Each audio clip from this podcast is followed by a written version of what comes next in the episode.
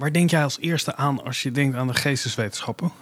aan het klokhuis der geesteswetenschappen. Ja? Dat, eh, dat is mijn voormalige verkering. Alle referenties gaan terug, terug naar de voormalige verkering. Dat, dat, dat is dan wel heel lief. Nou, maar- ja, maar omdat hij zo ehm, eh, bezig was met de geesteswetenschap. Daar moet ik als eerste aan denken. En eh, ja, ik heb verder natuurlijk zelf een moeizame relatie met de geesteswetenschap. eh, omdat ik eh, mezelf heel nadrukkelijk positioneer als sociaal wetenschapper. Maar natuurlijk wel Gaan we het over hebben? Ja. bij de geesteswetenschappen werk. Dus daar vind ik allerlei dingen van. Maar als ik denk aan media en geesteswetenschappen, dan moet ik meteen denken aan het klokken. Aan dat, om, en dat komt dus ook wel omdat. ehm, eh, misschien is dat dus wel mijn associatie. Eh Lieve heeft dat ook ooit gemaakt, omdat er eh, eh, bij het klokhuis, als het dan dus over wetenschappelijke dingen gaat, gaat het eigenlijk altijd nooit, gaat nooit over de geesteswetenschappen. Ja. Dus als het over wetenschap, dan wordt vaak het Engelse science, de harde wetenschap, en daarbij wordt al vergeten dat bij ons, en net als in het Duits, hè, die Wissenschaften, die Geisteswissenschaften, dat dat helemaal niet zo'n hard onderscheid is. Maar dat is in de media wel. Dat, ehm, Als het over wetenschap gaat, gaat het... dan, zijn dat, dan gaat het niet over eh, eh, middeleeuwse handschriften eh, of over eh, filosofie. Terwijl, hè, ja, ik bedoel, wat is filosofie anders dan wetenschap? Ja, ik ben ook heel benieuwd. Jij? We hebben Rens Bot te gast. Eh, toch een, eh, een, een- een grote naam op dit gebied als historicus en als eh, exacte wetenschapper, allebei. Ja, en nou ja, heeft veel geschreven over dit onderwerp. In ieder geval de geschiedenis van de geesteswetenschappen. Dus ik ben erg benieuwd wat hij allemaal te vertellen heeft daarover. En waar ik vooral benieuwd naar ben, is de, het einde van de geesteswetenschappen eh, eh, duren al bijna net zo lang als de moderne geesteswetenschappen. Dus ik ben benieuwd hoe hij daarnaar kijkt over het waarom daarvan. Deze podcast wordt mede mogelijk gemaakt door Code Clear. Duidelijk over websites en design.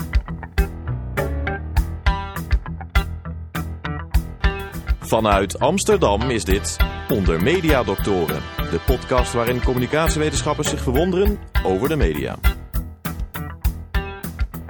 Beste luisteraar, onze gast is professor Dr. Rens Bot, hoogleraar geschiedenis van de geesteswetenschappen en computationele geesteswetenschappen aan de Universiteit van Amsterdam. Je bent eh, directeur van het Vossius Center for the History of Humanities and Sciences en president van de Society of the History of Humanities. Dus ja, het is wel logisch dat we jou hebben uitgenodigd voor het onderwerp over de representatie van de geesteswetenschappen. Want je bent ook nog eens een keer co-editor van een driedelige reeks The Making of the Humanities. En auteur van A New History of the Humanities. En volgens mij mis ik nog wel een aantal titels eh, die we misschien nog wel aan bod kunnen komen. Ehm, niet onbelangrijk, je bent ook medeoprichter van WO in Actie. Ehm, ik las Rens, mag je Rens noemen? Ja, uiteraard. Ehm, ik, las een stuk in The Atlantic eh, van eh, Benjamin eh, Winterhalter. En de, de, de, de titel was The Morbid Fascination with the Death of the Humanities. Hebben wij een morbide interesse om steeds maar de eindtijd aan te kondigen van de geesteswetenschappen? Ja, ik denk het wel, absoluut. Dat zie je eh, niet alleen in de VS. Hè. De Atlantic is natuurlijk een Amerikaans tijdschrift. Je ziet het in Europa, je ziet het in Japan, je ziet het in, eh, in eh, andere delen van Azië. En ook met recht enigszins. In Japan, ik noemde de naam al, er zijn maar liefst 22 universiteiten waar de geesteswetenschappen zijn opgeheven. Helemaal. de faculteit Humanities is daar gereduceerd tot nul. In opdracht overigens van de eh, overheid. De humanities hebben in dat opzicht namelijk een, een, een wat je zou kunnen noemen, een eh, imagoprobleem. Hè? Dus eh, er wordt over het algemeen van gezegd, hè, ze hebben geen nut voor de economie, ze hebben geen nut voor de technologie. Waar hebben ze dan wel nut voor? Hè? Ja. En dat, en dat, dat, dat is ook een, een zinvolle vraag. Waar hebben de humanities dan nog nut voor?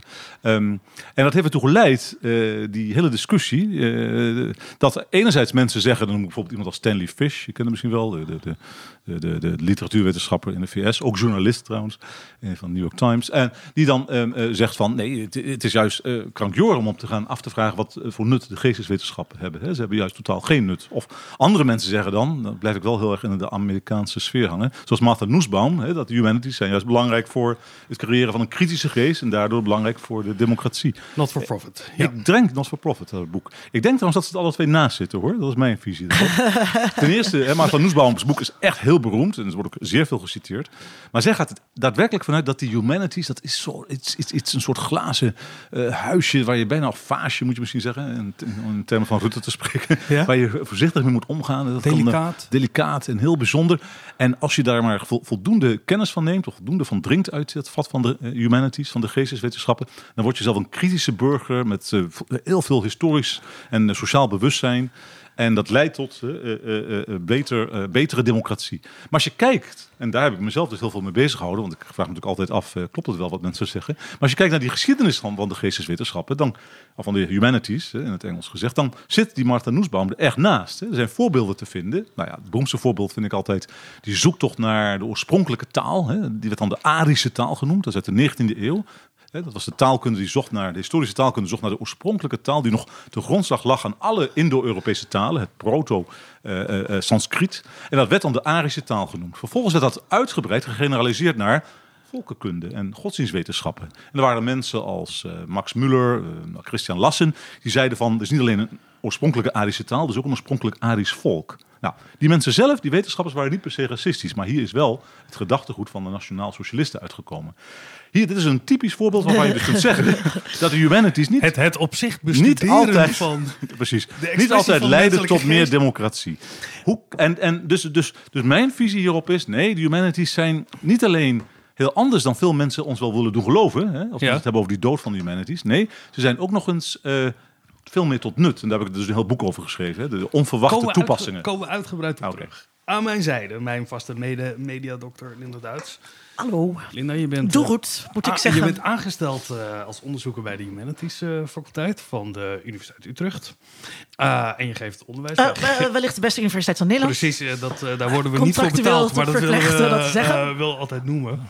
Eh, je geeft ook veel onderwijs bij de geestwetenschappen, bijvoorbeeld hier aan de UvA. Momenteel bij de UvA. En toch, als ik jou vraag, ben jij geesteswetenschapper, dan, dan, dan, dan ontstaat er een, ja, luisteraars, u ziet het nu niet, maar grote ogen en een, een, een, een lichte, ik ben sociaal wetenschapper. Sociale wetenschapper zeg je dan. Eh, Eh, niet sociale, ik zeg nooit sociale wetenschapper. Want ik ben natuurlijk wel een sociale wetenschapper waarmee je leuk bier kan drinken, maar ik zeg altijd sociaal wetenschapper. Ja, um, maar dat komt. eh, kijk, wij bevinden ons in een vakgebied. Hè. Mediastudies ligt heel erg op de grens tussen de geest en de sociale wetenschap. En ehm, mijn interesse eh, zit wel echt aan de gamma-kant daarvan. Dus ik ben eh, geïnteresseerd in wat mensen met teksten doen en niet zozeer eh, in teksten. Dus ik benadruk dat graag.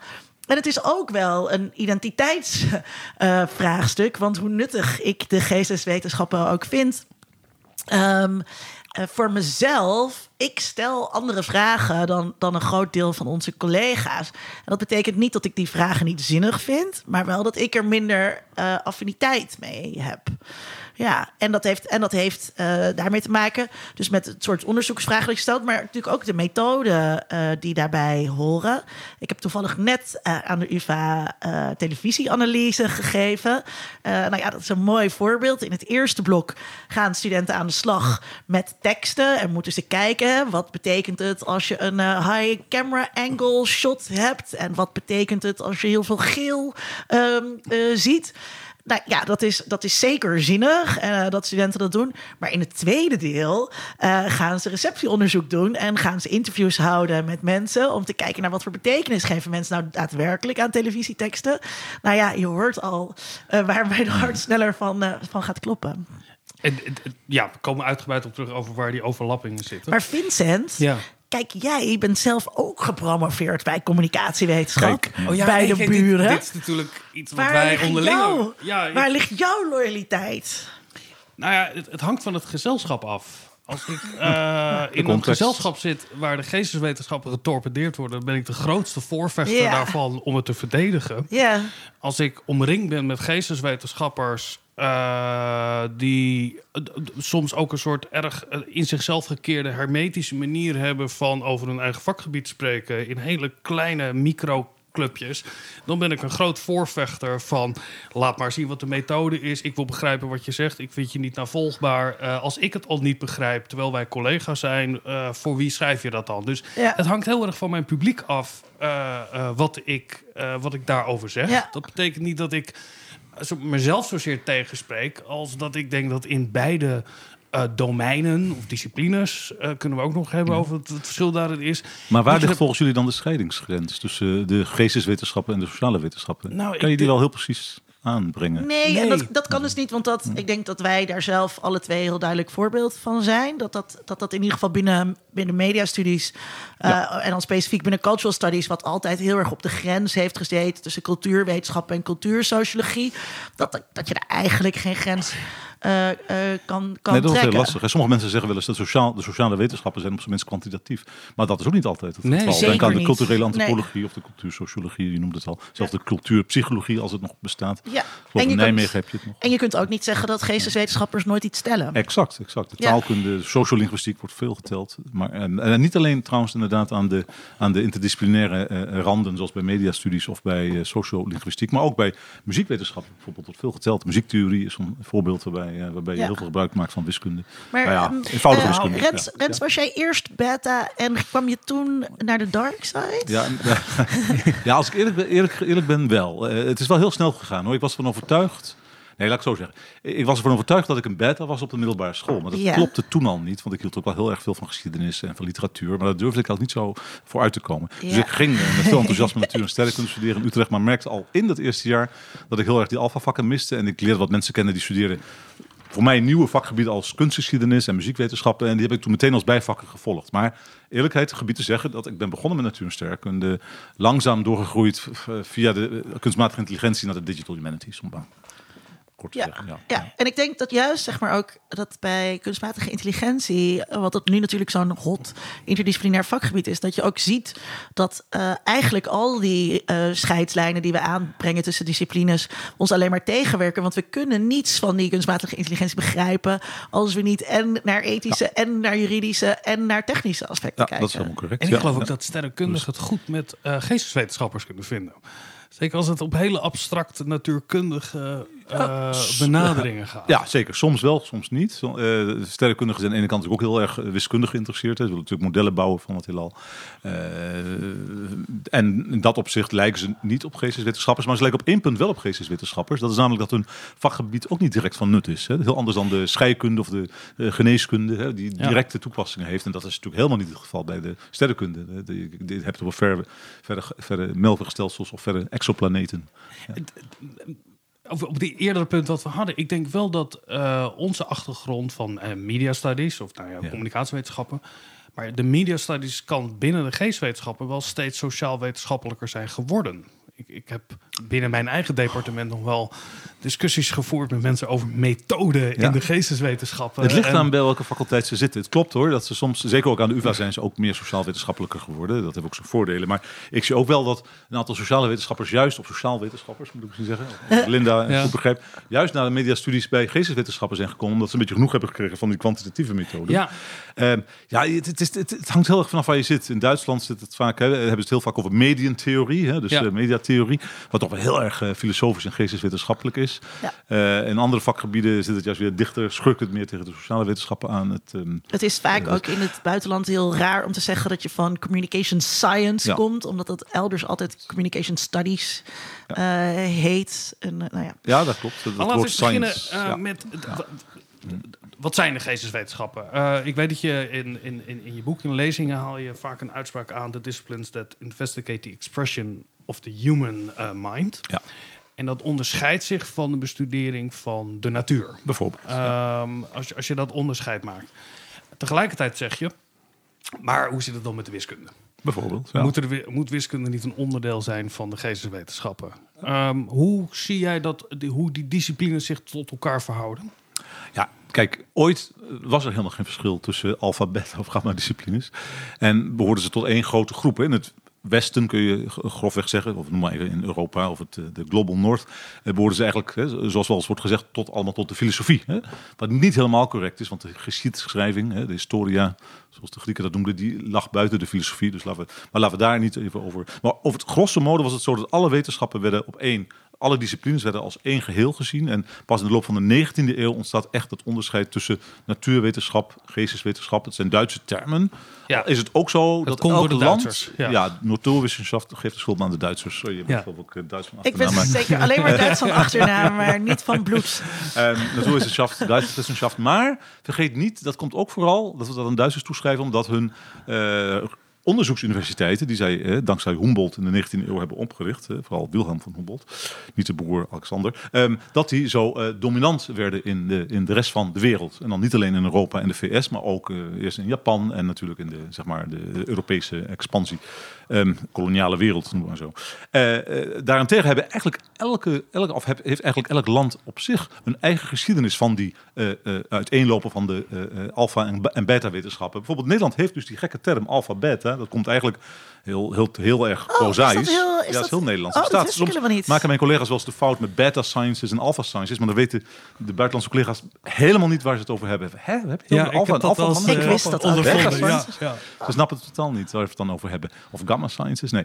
Nee, dat is een Nederlandse unicum. En, en dat komt eigenlijk omdat eh, in 1877 bij de nieuwe, eh, eh, eh, eh, eh, ja, hoe heet het ook alweer, onderwijswet, die toen is, eh, continu onderwijswetten, is er voor het eerst een, eh, een extra HBS en ook een extra gymnasium eh, ontwikkeld. Dus gymnasium bestond al, er werd geen wiskunde, geen natuurkunde, geen scheikunde gedoseerd. Een heel klein beetje Euclidische wiskunde, maar niet de hedendaagse wiskunde. En toen heeft men gezegd, we gaan nu ook een andere richting binnen het gymnasium introduceren. En die noemen we maar de B-richting, de bet. Maar dat werd een hoofdletter B geschreven, nooit met een kleine letter beta.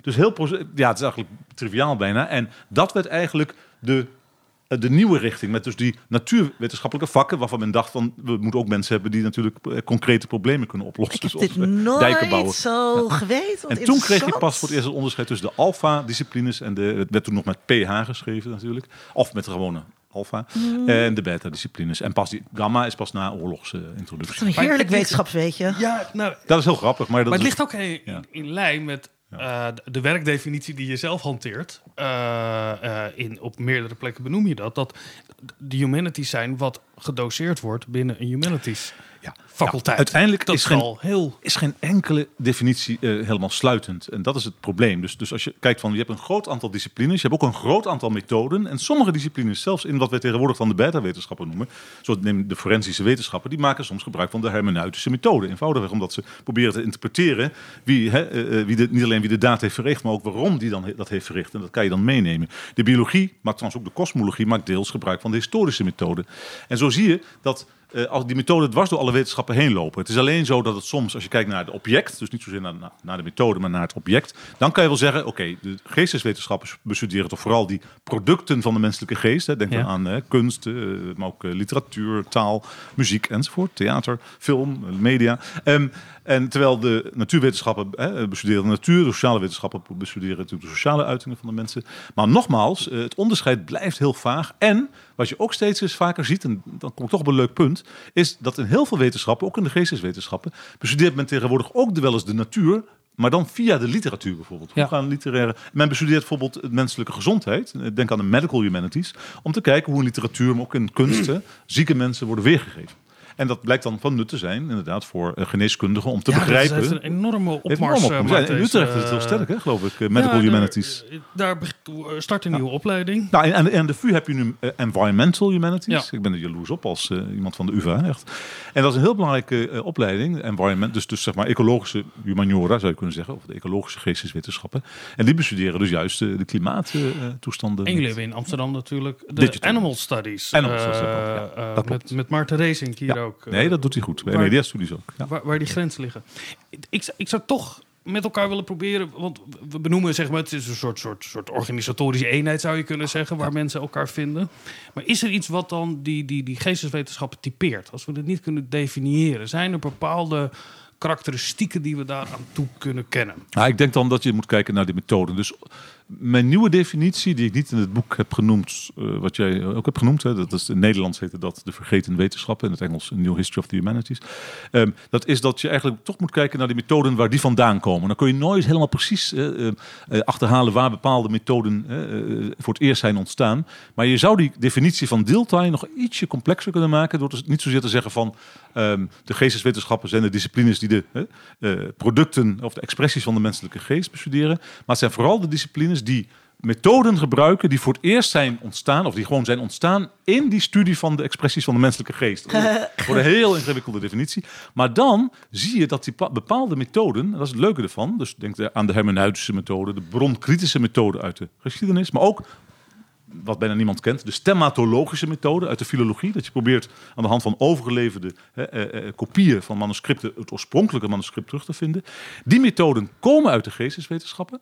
Die zijn soms ook geëxtrapoleerd, of zeg maar ge, verhuisd naar een aantal andere wetenschappen. En ik beweer nu dat ook die andere wetenschappen, die moeten we eigenlijk deels opeisen. Dus sommige delen van inderdaad de sociologie, maar ook sommige delen van de, voor het nieuwe vakgebied forensische wetenschappen, die zijn gewoon geesteswetenschappelijk van aard. Nou zijn mijn collega geesteswetenschappers, van de traditionele geesteswetenschappers, denk aan de klassici of de historici, daar zeer eh, eh, eh, sceptisch over. Die zeggen, nee, nee, die willen juist terug naar die, naar die kern van de geesteswetenschappen. Maar ik denk dat dat heel riskant is. We moeten juist laten zien hoeveel invloed we eigenlijk hebben met onze methoden. Ja. Dus nu denk ik er weer anders over dan tien jaar geleden. Dat is voortschrijdend inzicht. Is geestes, des geesteswetenschappers Ja. vooral. Hè? Dat je kunt zeggen, laten we eens kijken naar die methoden. Als die stammen, als die komen uit oorspronkelijk hè, de studie van de menselijke geest, dan moeten we zeggen, overal waar die methoden worden gebruikt, dat moeten we opeisen. Ja. Linda? Ehm, je, eh, Rens, waarom heet het boek in het Nederlands de Vergeten Geesteswetenschappen en in het Engels eh, History of the Humanities? ja. Dat is een leuke. Nou, de- de, vergeten wetenschappen was mijn keuze. Niet iedereen was het daarover eens. Zelfs de mensen van Prometheus, wat boek is uitgegeven, vonden dat een wat defensieve titel. Dat klopt ook, hè? Dus Alsof ze vergeten zijn. Past in de traditie, toch? Gewoon Ja, past- over de klopt. geestwetenschappen. Klopt, klopt. Dus ik vond het een uitstekende titel. Want ze zijn in ieder geval historiografisch vergeten. Er was nog niet eerder een boek geschreven over de zeg maar, algehele geschiedenis van de geesteswetenschappen. Maar eh, ik heb er toch voor gestreefd, naar gestreefd om, dat, eh, om, dat, om die titel, titel te behouden. Ook al dachten sommige mensen eerder dan aan de alchemie of de Kabbalah toen ze dat hoorden. De geesteswetenschap. maar in het Engels werkt dat totaal niet. Als je zegt de forgotten sciences, dan, ehm, ehm, dan eh, heb je het ineens over science. En science is in het Engels niet gelijk aan humanities. ja, ja. Ja. En dat is eigenlijk uniek voor het Engels. Althans, ik heb nog geen enkele andere taal gezien. Dus de vertalingen in een aantal andere talen, bijvoorbeeld in het Chinees, maar ook in het ehm, Pools, dat heet gewoon nog steeds de vergeten wetenschappen. Oh, hè, dat vind ik ook zelfs in het. Italiaans, ja, la scienze dimenticate. Ja. We hadden Want- het, we hadden ja. het heel even eh, aan het begin, eh, eh, voordat je er was, erover dat, ehm, over, over dat science en dat dat in het Engels zo, zo hard is. Ehm, maar dat is dus uniek eigenlijk aan de Engelse taal. En in andere talen hebben ze wel, zijn, heten de geesteswetenschappen ook geesteswetenschappen. Ja, ja, in het Italiaans weet ik dat heel goed. Mijn vrouw is Italiaans. Le scienze dus de geesteswetenschappen. Scienza betekent dus iets anders dan science in het Engels. Het is dus breder. Science in het Engels, dat heeft die hele specifieke betekenis eigenlijk ten gevolge van een, ja, noem maar een historicus, filosoof die niet zo heel erg bekend is buiten Engeland. Die heette William Whewell. Dat schrijf je W-H-E. H-W-E-L, Wewell, maar Ewell zeg je geloof ik. En die schreef een boek History of the Inductive Sciences. En daar eh, eh, eh, mun- munt hij ook het woord scientist. Dat is de eerste keer, kijk maar eens op Google Ngrams, de eerste keer dat je het woord scientist echt tegenkomt. En vanaf dat moment krijgt het woord science in het Engels, vanaf 1831, toen heeft hij dat boek gepubliceerd, steeds meer de betekenis van de harde wetenschappen. Terwijl de voorbetekende scientia, maar ook science in het Engels, gewoon kennis. Hè, net als het woord Ja. wetenschap of wissenschaft. Eh, het is vrij uniek voor het Engels, maar ik kan me voorstellen dat er talen zijn die heel dicht tegen het Engels aanzitten. Vooral een aantal Creole of Pidgin talen die dat ook zo hebben hoor. Eh, maar in het Afrikaans is dat niet zo. In Afrikaans heb je ook gewoon wetenschap. Eh, net als het Nederlands. Ja, maar je ziet in het Engels toch wel dat er omheen gewerkt wordt door het hebben over studies en, en scholars. En, en, Ja, en, dus literary science, dus li- literatuurwetenschap, klinkt in het Engels als een soort oxymoron. Eh, Dus dan wordt het meteen literary criticism of literary studies. Of eh, ja, media studies, ehm, information studies. Eh, want anders, dat science, dat, dat klinkt voor hun te, te zeer in de ogen als een tegenstelling. En, ook heel belangrijk, de humanities mensen voelen zich dan ook niet gerepresenteerd. Hè? Die zeggen, ja, maar ik ben geen scientist. Ik ben juist... In het Engels betekent het woord humanities ook eigenlijk wel iets anders, vind ik. Het heeft een andere connotatie dan wetenschap of wissenschaft of geisteswissenschaft hè?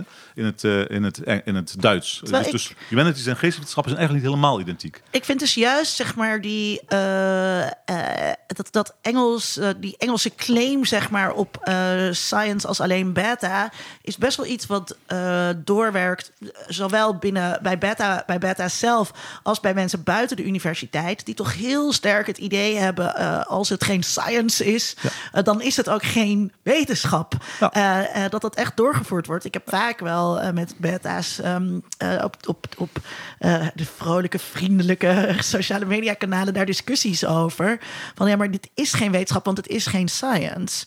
Dus het werkt wel, dat, dat eigenaardige van die Engelse taal, dat zij dat zo hebben, werkt wel ook echt in het nadeel van de geesteswetenschappen. Zeker, zeker. Al vooral omdat het Engels natuurlijk ook dominant is in deze wereld, in deze huidige tijdsgevricht. Al is het wel zo dat ook de sociale wetenschappen, de social sciences en de life sciences, die behoren ook tot de sciences hoor. Dus het is eigenlijk alleen maar de humanities die dan bu- buiten vallen. Ah, dat werkt zeker in het nadeel van de humanities, maar ook wel soms in het voordeel, want daardoor krijgen de humanities wel een bepaalde status in die zin dat eh, het niet alleen meer gaat in het, in het Engelse taalgebied en het bijzondere in Noord-Amerika, niet alleen maar meer gaat om de studie van de zeg maar, taal, muziek, eh, eh, literatuur, het verleden, maar ook als een soort verzameling attitudes. Dat je dus een kritische geest hebt. Hè, dat, dat is meer Ja. nog dan in, in Europa het geval. Eh, moet je maar eens opletten. Dat is heel Want sterk, zie jij eh, dan ja. ook, eh, want je haalde al even de Duitsers aan, die om, om, Ja. om, om bepaalde redenen het, het, het, het erklärung en verstehen en, en dat soort eh tegenstellingen. Zie jij ook dat de geesteswetenschappen daar een unieke positie in hebben ten opzichte van de rest? Is er een, is er een binariteit? Ah, nou, nee, Dus niet verstehen echt. en erkle- erkleren? Nee, ja, wat, wat natuurlijk een tweedeling is. Maar Ja. zit dat eigenlijk in de hele, eh, in de hele wetenschap? Niet overal, En is nee. dat een exclusieve positie van de geesteswetenschappen die anders is dan de rest van de wetenschappen? Nee, nou, ja, ook daar verschillen natuurlijk de meningen over. Maar als je kijkt van wat mensen doen en wat mensen zeggen, daar zit er vaak een groot verschil tussen. Hè. Dat is zelfs dus de, de, de meeste hardcore humanities personen met wie ik heb gesproken, en die vind je dan vooral in de VS, die zeggen ik moet helemaal niets hebben van die scientist methode. Dan moet ze niet Ja. zozeer scientific methode, maar scientist methode. Niets hebben van, van Steven Pinker, die beweert dat science juist goed is voor de humanities. Maar als je dan doorvraagt, ik heb wel eens dat soort discussies gehad aan Johns Hopkins University een keer, van hoe bestuur, en het was, dan, dit was een specialist van Caravaggio, die zei ik, doe, ik zoek ook helemaal niet naar patronen of naar, en toen vroeg ik mij ook, toen vroeg ik aan hem, maar vergelijk je wel eens twee schilderijen van Caravaggio? Ja, uiteraard, ja. Maar vergelijk dan ook wel eens van hoe hij aan, in het ene schilderij, hè, wat bijvoorbeeld later is dan het eerste schilderij, zijn verfstreken hè, eh, eh, poneert, vergeleken dan met het eerste schilderij. En zei, ja, dat doe ik ook. En zoek je dan naar overeenkomsten en verschillen? Nou ja, eh, na een aantal majuitische vragen op dat terrein, zei die, gaf hij uiteindelijk toe dat hij wel degelijk zoekt naar hè, patronen. En dat hij zei, ja, er is wel een continuïteit. En uiteindelijk zijn we natuurlijk ook allemaal mensen die zoeken naar bepaalde overeenkomsten, verschillen. En eigenlijk zijn ze alleen maar in de theoretische natuurkunde, waar de wetten zo precies zijn gedefinieerd dat ze ook echt, zeg maar, dat we echt kunnen spreken van uitzonderingsloze wetten. hè. Wat ik interessant Eh, vond Maar niet in in de- de scheikunde, maar niet in de biologie. Wat Ja, ik dus Dus je interessant hebt echt een vond... continuïteit. Sorry. Sorry, Ja, wat ik ja. interessant vond in jouw ehm, eh, eh, History of the Humanities is dat eh, je zegt dat binnen de geesteswetenschappen zijn er mensen die houden zich bezig met het eigene. En eh, toen vielen er voor mij een heleboel dingen eh, op de plek, omdat ik daar en dat is dus misschien ook wel een soort van de kern van waar ik dan soms moeite heb bij collega's, dat bestuderen van het eigene. Ik ben echt een zoeker naar patronen. Eh, en, eh, eh, en ik denk dat dat heel eigen is aan de geesteswetenschap. Dat je dat, dat, je dat Ja, bijna nergens anders ziet. En daar ook een soort verheerlijking van is. Ja, ja, nee, maar goed, om, om, om dan toch weer het verhaal inderdaad, en je hebt gelijk hoor Linda, het verhaal rond te maken. Dit is natuurlijk de ene extreme positie dat mensen zeggen van, hè, we, we zijn echt een, een ander soort groep van disciplines die zoeken naar van, van hoe, eh, we proberen ons in te leven in bijvoorbeeld een historische actor in het verleden, of we proberen ons in te leven, hè, dat verstehen, in bijvoorbeeld eh, een, eh, een, desnoods een webdesigner, hoe gaat hij nou te werk, of in de filmregisseur, hoe, hoe gaat zij of hij nou te werk. Ehm, maar uiteindelijk is het wel zo dat we natuurlijk ook een aantal specifieke methoden ons kunnen opeisen. Dus wat is nu het eigene van de geesteswetenschappen? Dan zullen als je kijkt naar niet zozeer naar het object, maar naar de methode, dan zul je zeggen van inderdaad historische, bronkritische methode. Van eh, kunnen we een bron vertrouwen? Wat is, eh, eh, wie is de maker van die bron? En vooral wat voor perspectieven zijn er? Eh, eh, eh, geen bron, geen enkele bron is objectief. Dat weten we ondertussen. Dat, kunnen we ondertussen wel zeggen. Ooit is er, ging men ervan uit dat als het maar opgeschreven staat, dan kun je daar dan heeft een bepaalde waarheidswaarde. Dat is natuurlijk niet zo. Elke bron heeft een bepaald perspectief vanuit de hè, schrijver of maker van die bron, als het een materiële bron is. Nou, die bronkritische methode, dat is echt wel iets van de geesteswetenschappen. Maar ook, en dat- zoals ik zeg, die stemmatologische methode, de hermeneutische methode en niet te vergeten de grammaticale methode. Die is ook wel heel bijzonder. Natuurlijk, eh, je denkt aan de eerste plaats aan taalkundig als je het hebt over het bouwen van grammatica's. Maar mensen hebben ook grammatica's proberen te maken, de regels te vinden, onderliggend aan verhalen. Denk aan Vladimir Prop. En uiteindelijk kun je zelfs televisie of film eh, analyseren met, eh, met, met, met dat soort grammatica-regels. Dat Maar- kan. Als advocaat van de duivel, als de interpretatieve benadering Want Dat is die hermeneutische methode, zeg maar. Ja. De interpretatieve benadering. Als, als jij een gesprek hebt met iemand die zegt: Ja, maar ik, ik, ik, ik, ik bekijk naar Caravaggio vanuit mijn, mijn het eigene, vanuit mijn eigen interpretatie, geef ik daar duiding aan. Ja.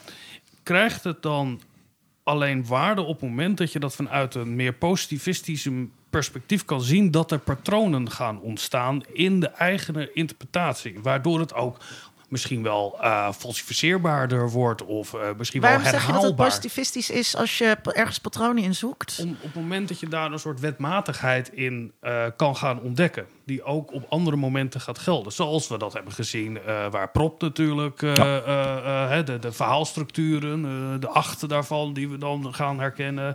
Eh, eh, het, het idee grammatica is natuurlijk Ja. een, een begrensd aantal mogelijkheden. De veronderstelling Ja, van de ja en nee. Want de notie, en daarom is die notie van grammatica ook veel belangrijker dan de notie van bijvoorbeeld eh, wet. Eh, er zijn ook altijd uitzonderingen. Hè? Je hebt de beroemde zin, hè? de uitzondering bevestigt de regel. Dat is typisch iets voor de De geesteswetenschappen. onregelmatige werkwoorden Er maken de taal. is feitelijk geen regel zonder uitzondering in de geestes- geesteswetenschappen. En ik dacht lange tijd dat dat typisch was voor de geesteswetenschappen. Is Van, dat verrek, regel? Is we dat hebben regel? nu eindelijk iets gevonden Is dat wat? Ja, we hebben nu eindelijk iets gevonden wat echt voor de geesteswetenschappen geldt. Namelijk voor al die hè, regelmatigheden, stilistische regelmatigheden in, in, in, in, in, in, in, in boeken of in eh, eh, muziek of in eh, schilderkunst. Die hebben altijd wel een uitzondering. Of als je het hebt over interpretaties, iedereen kan gewoon met zijn eigen interpretatie komen. Als je denkt aan het werk van Roland Barthes, hè, niet meer de auteur staat centraal, maar de waarnemer, de lezer.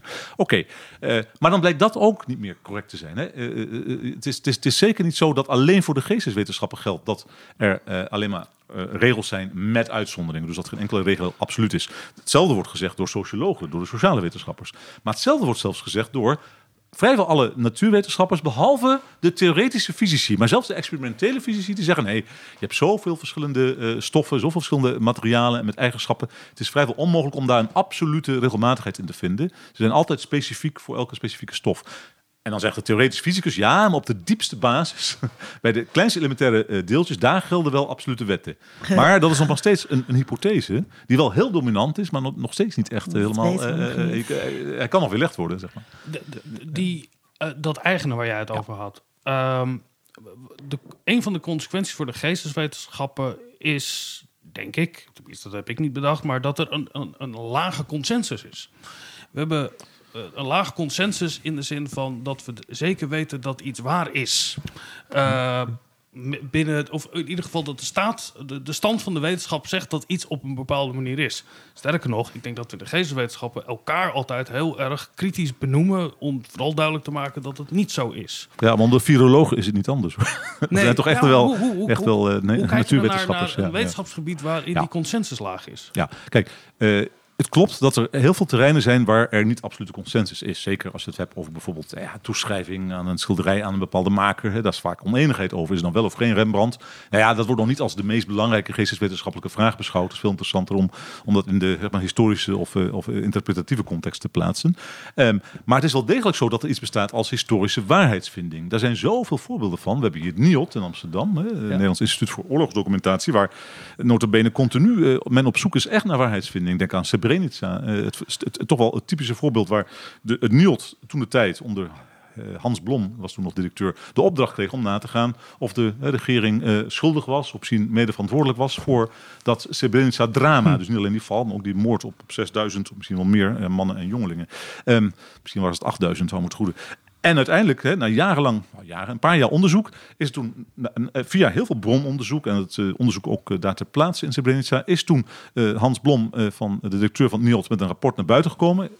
waaruit voortkwam, ja, de Nederlandse regering is absoluut mede verantwoordelijk geweest. Waarna Kok 2, dat kabinet, is gevallen. In 2002 Ja. was dat. Dit is een vorm van waarheidsvinding die nog steeds interpretatief is, want het is toch een beetje een vaag begrip, hè, eh, mede verantwoordelijk. Maar het is wel zo sterk dat hier zelfs een regering doorvalt. Eh, zie hier de enorme invloed van de geesteswetenschappen. Maar denk aan waarheidsvinding die nog veel belangrijker is. Het aantal doden in concentratiekampen. Eh, Het aantal, dat, dat staat nu zo vast dat mensen zelfs in sommige landen in de gevangenis eh, belanden. terecht overigens misschien. Als je ontkent dat de holocaust heeft plaatsgevonden. Ja. Dat is toch wel echt een vorm van waarheidsvinding. Ik, het schiet Ja. op, ik, ik keek een documentaire over eh, het, het, het, het print, hoe noem je dat? Het koningspaar. Ja, ja. Eh, waarin een onderzoek van Bout eh, naar voren kwam. Tenminste, een hele belangrijke rol speelde. in Bout, ja. Over de rol van. Ja. En dan zag je een interview met onze koning en de koningin. Die zegt, ja, dat is de mening van de heer Bout. Ja, oh, zij, ja, ja, Ja, dat is ook eh, maar een mening. Zij ja, toen, dat is ook eh, maar een mening. Dat zei werd Willem-Alexander toen. Ja, eh, ja. eh, daarin weggezet. Linde, hoe, hoe, hoe kijk jij ernaar in het verschil tussen die interpretatie en dat wat meer is dan een, meer is dan een mening? Waar, waar ligt die grens? Mm, Kijk, ik vind je vraag wel interessant over die consensus. Omdat eh, als ik eh, kijk naar ehm, eh, het, eh, veel, veel collega's binnen de geesteswetenschappen zijn niet eh, per se geïnteresseerd in eh, wat andere mensen eh, eerder over dit onderwerp hebben eh, voortgebracht. Vind je? Ehm, nou ja, in de, in de zin van ehm, eh, dit, dit is waar de kennis nu staat, zeg maar. Juist omdat, omdat zo gefocust wordt op dat eigene en dan, en dan hoeven daar niet per se patronen in te zijn. Ehm, dus dat, daar, zo, in dat licht vat ik ook een beetje dat, dat op wat je zegt over consensus. Terwijl, kijk, als het gaat over bijvoorbeeld ideeën over hoe media werken. Natuurlijk is daar enige consensus over binnen, eh, binnen de mediawetenschap. Eh, zijn er mensen die hechten misschien iets meer eh, eh, aan, aan dit model en iets meer aan dat model. Maar het, het model van de injectienaald is al lang verworpen. En we zitten ergens bij Stuart Hall actieve betekenisgeving. Daar, daar zijn collega's het echt wel over eens. Ehm, eh, en dat is, dat is denk ik heel belangrijk. Dat is, dat is wel belangrijk. Waarom? wa- Hoe, hoe eh, die consensus die dan daar bestaat. eh, ik denk dat dat een andersoortige consensus is dan dat dat in de, in de harde wetenschappen plaatsvindt. Ik denk dat er scholingsvorming is, waardoor die consensus bestaat over bijvoorbeeld wat, wat, wat, wat, de- werking of de betekenis is van media in de samenleving. Maar, maar het is wel zo dat binnen de sociale wetenschap er ook al anders wordt gekeken naar, naar dit van waar, waar staan we nu qua kennis. Dat het, dat het heel cruciaal is dat je eh, eh, de literatuur citeert die, dit onder, die zich ook met min of meer dit onderwerp eh, heeft bezig gehouden. En dat je vervolgens zoekt naar het gat in de literatuur. Nou ja, dat zoeken van het gat in de literatuur, dat is binnen geesteswetenschap is dat een he- heel andere aangelegenheid. Ehm, dus daar, daar zit denk ik wel een verschil in. En Van, van de harde wetenschap weet ik gewoon niet zoveel hoe zij, dat, eh, hoe zij dat doen. Maar ik denk dus wel, er wordt wel op een andere manier mee omgaan. Maar dat betekent niet dat we over de grote eh, zaken, dat daar oneenigheid over bestaat. Eh, Ja. Nee, dat denk ik. Ja, maar. dat klopt. Nee, als je dat door scholing, door Ja. schoolvorming eerder dan een, een. Kijk, in de geesteswetenschappen kent natuurlijk niet zozeer de doorbraak. Eh, het, het, het Eureka. eh, moment in de geesteswetenschappen functioneert anders. Ja, maar jullie hebben wel gelijk. Kijk, waar we, waar we ook op tafel moeten leggen is dat er ook binnen de geestwetenschappen op zijn minst twee hele brede stromingen bestaan. Dat hebben we nog niet, heb ik hier nog niet genoemd. Ik noem het wel een, een boek aan het eind. Eh, Dat zie je vooral ontstaan in de 20e eeuw. Ook al kan je terugvoeren op de, nou ja, de eeuwige strijd tussen de Alexandrijnen en de eh filologen van Pergamon. Misschien moet je zeggen de Pergamonijnen, ik weet het niet. De, de, de, Alex, de, de, de, de, de filologen van Pergamon eh, waren altijd op zoek naar interpretatie. En die namen soms één regeltje uit Homerus. En daar gingen ze dan eindeloos over praten. En ook hele lange stukken over schrijven. Bijvoorbeeld is een keer een stuk van een Kratos van Mallos geschreven. 60 hoofdstukken. Alleen maar over 10 regeltjes van de eh, Ilias. Ongelooflijk. En er werd dan vanuit antropologisch, historisch, geografisch, historisch, zei, filologisch aspecten. Alles werd bekeken. Ik moet dan heel Terwijl- erg denken aan, eh, aan eh, iemand die eh, aan het daten is en eh, die stuurt een appje. Ja? Dat wordt aan eh, evenzeer grondige exogese ja. Ja, onderworpen is- als deze ene zin. Maar dan Sorry, begint al die verder. strijd. En die, perga, en die, die, die, die, die, die, die, die- noem het maar, de wetenschappers van Pergamon waren heel erg tegen die wetenschappers van Alexandrië. Dat vonden ze maar futiel wat die deden. Want die waren juist geïnteresseerd om aan de hand van al die overgeleverde manuscripten van Homerus de oorspronkelijke versie te reconstrueren. reconstrueren wat bijna niet kon, want er er bestaat geen echt oorspronkelijke versie. Het is heel lang over, mondeling overgeleverd en toepas opgeschreven. Nou, deze, deze traditie, zeg maar de ene, zeg maar, de, vooral de interpretatieve traditie, en de andere toch de meer positivistische traditie, het woord is al een keer gevallen, die is sinds de derde eeuw voor Christus nooit meer weggegaan. Die is zeg, zeg maar tot een explosie gekomen met de opkomst van het postmodernisme. En zelfs iets daarvoor, misschien wel met de kritische schule, eind jaren 40 hè, in Frankfurt. Ehm, vervolgens met de opkomst van het poststructuralisme, denk aan Derrida, waarbij uiteindelijk hè, alles gedecentreerd kan worden, alles zeg maar eh, gerelativeerd kan worden. En dan krijg je inderdaad toch twee richtingsscholen, zeg maar. Eh, en daarbinnen heb je ook allemaal scholen uiteraard. Ik bedoel niet dat je alleen maar één postmodernistische Ja, school hebt, daar maar- heb je ook weer. En, en, en, en die twee die kunnen bijna niet met elkaar communiceren. Dat Ja. is inderdaad een groot probleem. Laten we het ook eerlijk in zijn. Nu is het wel zo dat ik de Ik indruk ken de heb... mensen persoonlijk, ja. Ja, je kent nou is het wel zo dat die postmodernistische school, nou ja, ik, misschien is dat wensdenken, die is weer in, in, in belang aan het afnemen. Er zijn ook wel wat relletjes geweest. Denk natuurlijk aan die beroemde Sokal-affaire. hè. Maar ook daarvoor nog, hè, toen uitkwam dat Polderman... Ja, een Polderman- onzinstuk geschreven, Ja, tenminste. ja. Een, Kijk, Sokal en, een, en, een totaal dat was weliswaar op een natuurwetenschapper. manier samengesteld. Ja, eh, die heeft toen voor, eh, voor een bepaald tijdschrift, Critical Text of zo, die heeft toen een stuk geschreven eh, dat meteen geaccepteerd is. Ja. In één ronde, terwijl het totaal onzinstuk was.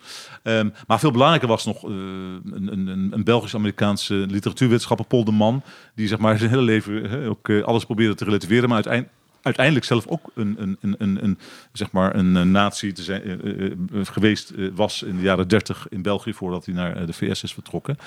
Waarbij natuurlijk ook dat relativeren van, van, van, van historische gebeurtenissen dan wel heel erg pijnlijk wordt. Als je dat hoort dan uit de mond van iemand als Polderman. Dit kwam trouwens pas uit toen Polderman zelf is overleden. Maar eh, dus er zijn wel wat, wat, wat, wat, wat, wat, eh, wat, wat eh, controversies geweest in die postmodernistische hoek. En tegenwoordig zijn ook de meeste hardcore postmodernisten weer, of poststructuralisten, hoe je ze ook wil noemen, ehm, weer, weer op, meer op zoek naar. ehm, ze zijn misschien meer in, de, in die zeg maar, postkoloniale traditie terechtgekomen. En toch ook wel op zoek weer naar patronen. Hè? Zoekend naar hè, wat voor patronen zien we nu eigenlijk hoe het Westen denkt over, althans Global North denkt over de Global South enzovoort. Ehm, maar het is waar dat je op sommige punten dus geen consensus hebt. Dat klopt helemaal. Ehm, binnen die geesteswetenschappen. En de vraag is nu, en die is erg interessant, wat jij ook zegt, Linda. Heb je dat nou minder of meer in de beta-wetenschappen? Nou, in de beta-wetenschappen kan je bijvoorbeeld meer meten. Hè? Dat is zeker waar. Dan kan je exact meten hoe snel, met welke snelheid een bepaald object een ander object raakt. Eh, maar in sommige beta-wetenschappen, denk aan de biologie, dat is toch een beta-wetenschap. Denk ook aan die forensische wetenschappen, die wellicht wat kleiner is. Wordt dat veel lastiger. Denk bijvoorbeeld aan de etologie, dat is de gedragsleer binnen de biologie. Het grote voorbeeld daarvan is Frans de Waal. Ik geloof dat hij ook in Utrecht eh, onder een, een kleine deelaanstelling heeft. Dit is apen? iemand die is totaal niet kwantitatief bezig. Die meet helemaal niks. Die interpreteert juist hoe die apen zich gedragen. En dan denk ik toch steeds van, zie je wel, het is heel erg lastig om ergens ook maar een hard onderscheid te maken. Het onderscheid is er wel. Eh, en we hebben allemaal het idee dat dat er ook is. Dat er unieke methoden zijn eh, voor het een of het ander. Dat het dus moeilijker is om consensus te vinden. Maar wat je ook precies aanhaalt, er zijn, er zijn altijd wel, eh, zoals Mary Douglas, de antropoloog, ook zei. There are always exceptions. Hè, zeg maar. Ja. Welke, welke, eh, er is bijna nooit een goede definitie te vinden. Dus nogmaals, hè, die historische waarheidsvinding vind ik toch wel een mooi voorbeeld van echte keiharde bewijs. Hè. Als je dus die voldoende bronnen kunt vinden, dat er, eh, en, en ook gewoon materiaal kunt vinden eh, in concentratiekampen, dat je kunt zeggen, nou, we hebben nu echt vastgesteld dat er 10 miljoen doden zijn, waaronder 6 miljoen Joden. Dat, dat vind ik een echt belangrijk bewijsstuk. Ja. Ik vond een heel mooi voorbeeld het boek over Anne Frank wat eh, laatst uitkwam. Over Ja. hoe het corrigerend vermogen van de gemeenschap ook kan Ja, werken. Dat prachtig. er gelijk historische opstaan en zeggen niet, dit, is, dit klopt Nou, dat niet. vind ik een prachtig voorbeeld, want er waren Ja. nota bene eh, een aantal beta-wetenschappers die zich daar bezig houden met dat boek. En Ja. die hebben dus helemaal geen rekening gehouden met die, rekening gehouden met die historische context. En het waren juist historici die zeiden, dit kan gewoon historisch niet. En Ja. dat vind ik toch wel een heel mooi eh, keihard bewijs. Hoe- Ik, zie, dat, ik zie dat ja. best wel vaker. Dat er. ehm, eh, zeker nu eh, big data zo'n ding is geworden, dat er eh, eh, informatica aan de haal gaan met grote datasets om bijvoorbeeld media, eh, of, media of communicatiewetenschappelijke vragen te beantwoorden. Eh, zonder dan oh, trouwens overigens eh, eh, kennis te nemen van eh, de literatuur die daar eh, is. Dus ik herinner me iets waar ik een keer over geblogd heb over ehm, Sesamstraat. En toen gingen ze kijken naar hè, dus, eh, eh, postcodes waar Sesamstraat te zien was. En dan de schoolprestaties daarvan. En dat heel groot aanpakken met zo'n dataset. Ja. Maar op geen enkele manier kijken naar... Er is natuurlijk heel veel geschreven eh, over Sesamstraat. Juist binnen over mediawetenschap en, eh, binnen ehm, eh, eh, eh, eh, psychologie, edu- educatiewetenschap en zo. En dat is dan heel typisch. Dus ook proberen ze het wiel opnieuw eh, uit te vinden. Maar vaak met, met een grote stelligheid... die dan eh, eh, makkelijk onderuit gehaald wordt... door mensen die daar al, die al veel langer in dat vakgebied actief zijn. Nou, we zitten hier met de hoogleraar computationele Ja. eh, geest. Wat mij opvalt is dat er ook een gevoel is, en dit is, dit is dat we nu als geesteswetenschappers ook een keer iets hard kunnen gaan maken, omdat we over grote datasets beschikken. Dat we nu wel kunnen zeggen, nou, het Wilhelmus is nu zeker weten geschreven door eh Marnix van Sint-Aldegonde, Eh, want we hebben een hele grote dataset. Eh, terwijl die hele close reading, die hele, eh, dat eigene interpretatie daarvan, daarmee dus ook tezijde wordt geschoven Zo als... lekker. Het is, dat is, Ja. dat, dat, ehm, En ik heb presentaties gezien Ja. van mensen met prachtige graphics van wat Ja, je allemaal uit data ja. kan halen.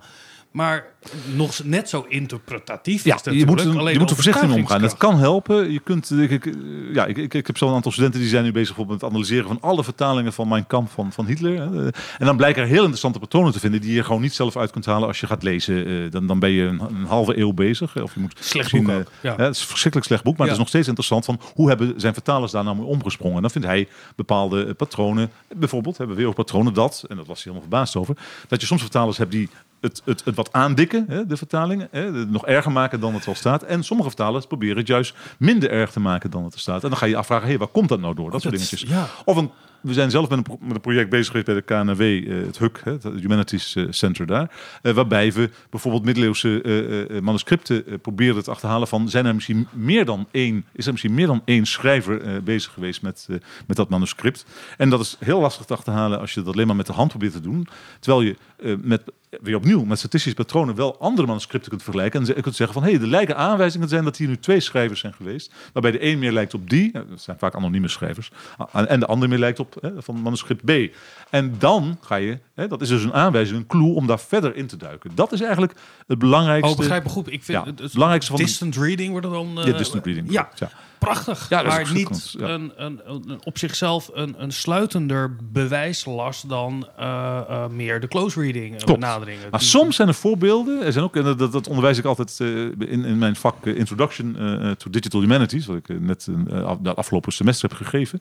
Ehm, laat ik ook de voorbeelden zien waarbij je echt niet tot hetzelfde resultaat kunt komen. Eh, nou ja, tenzij je dus eeuwen de tijd zou hebben, eh, maar Ja. dan nog wordt het zo ingewikkeld zonder digital humanities. En dat is een leuk voorbeeld uit de muziekwetenschappen bijvoorbeeld, eh, waarbij je alle toonladders die er ooit gemaakt zijn over de hele wereld met elkaar gaat vergelijken en kijken of daar een regelmatigheid in zit. En dat soort regelmatigheid vind je dan, en dan wordt het iets complex als ik dit hier zeg, maar ik mag het complex maken, zeg je dan. Als je eh, eh, eh, eh, eh, toonladders ook weergeeft in twee- of driedimensionale assenstelsels. Namelijk, je kunt elke toon kun je schrijven namelijk als een bepaalde verhouding tot de grondtoon. Bijvoorbeeld, misschien weten jullie wel dat octaaf qua eh, frequentie precies twee keer zo hoog is. Hè? Ta, ta. En dan is Ja. de hogere toon heeft een twee keer zo hoge frequentie. De kwint heeft bijvoorbeeld een anderhalve keer zo hoge frequentie. En zo kun je elke toon, zelfs microtonaliteiten van Ligeti, de Hongaarse componist, kan je altijd schrijven als een soort eh, verhouding. Een hele simpele arithmetische, arithmetische verhouding. En die twee getallen, bijvoorbeeld 2 staat tot 1, kan je dan weergeven in een assenstelsel. 1, 2 en 3 staat tot 2, ook hè, 2, 3. En op die manier kan je eigenlijk elke toonladder, dat is het mooie ervan, als een soort eh, eh, grafiekje weergeven in assenstelsel. En dan blijken er regelmatigheden te bestaan. Het gaat iets te ver om al die regelmatigheden nu hier uit te leggen. Dan blijken er regelmatigheden te bestaan over het toonladders in de hele wereld, en dat is erg interessant, die, eh, eh, eh, nou ja, die feitelijk nauwelijks, want dat zijn, we hebben het over 60.000 toonladders, en soms zijn er dus toonladders, wij zijn gewend aan toonladders van zelfs slechts zeven tonen, hè, denk aan de do, re, mi, fa, sol, la, si, do hè, eh, toonladder. Maar je hebt toonladders bijvoorbeeld in India met 42 eh, tonen. Hè, dus, en, op de sitar. penta. Ja, de penta. De toonladder heeft zelfs slechts vijf tonen. Ja. Denk aan het woord penta, de Byzantijnse toonladder. Maar al die toonladders samen, wil je die vergelijken, hebben we wel eens uitgerekend, dat kost je ongeveer twee eeuwen als je dat in je eentje zou willen doen. en dan denk je, oké, en ook die vergelijking wordt soms op een gegeven moment zo ingewikkeld, dan moet je wel een soort visualisatie voor hebben op de computer om dat te kunnen doen. En dan zie je dat die, ja, de digitale of computationele geesteswetenschappen hiervoor bij Oh, uitstek dat- middel is. Mag ik daar nog Ja, wat op zeggen, Vincent? Want wat uh, over dat iets keihard uh, kunnen of durven zeggen heeft, is ook heel erg te maken met: um, uh, ben je zelf het meetinstrument of ligt het meetinstrument buiten jezelf? En we hebben de neiging om op het moment dat dat uh, een computer is, om uh, daar dan aan toe te schrijven dat dat accurater is dan wat de mens doet. En dat het daarom meer waar uh, zou ja, zijn. Maar, maar die computers zijn ook door mensen gemaakt. Dat snap je wel. Die algoritmes Exa zijn de mensen exact. gemaakt. En die hebben natuurlijk bepaalde Ja. biases en bepaalde... Ja, ja, Maar het is ja. makkelijker om, uh, als ik iets met een rekenmachine heb uitgerekend, om te zeggen 9 plus 5 is 14, dan, wanneer ik het, dan wanneer ik het zelf heb opgeteld. Dus ik denk dat daar ook een, Oké. een soort uh, vergissing misschien ligt. in dat. Um, mensen denken dus ook dat uh, uh, als je iets statistisch hebt uitgerekend, dat het dan um, harder waar is dan dat die statistici zelf denken over hoe waar eh, ik, het ik, is. Ik, ik, ik heb wel eens gewerkt met, met MaxQDA en, en Atlas, weet je wel, dat soort wat puur kwalitatief onderzoek is. Maar Ja. toch heb je het gevoel dat als je al die dingen daar in de computer zit Ja. in te voeren en uit te werken en, en, en termen en coderen, wat dan ook.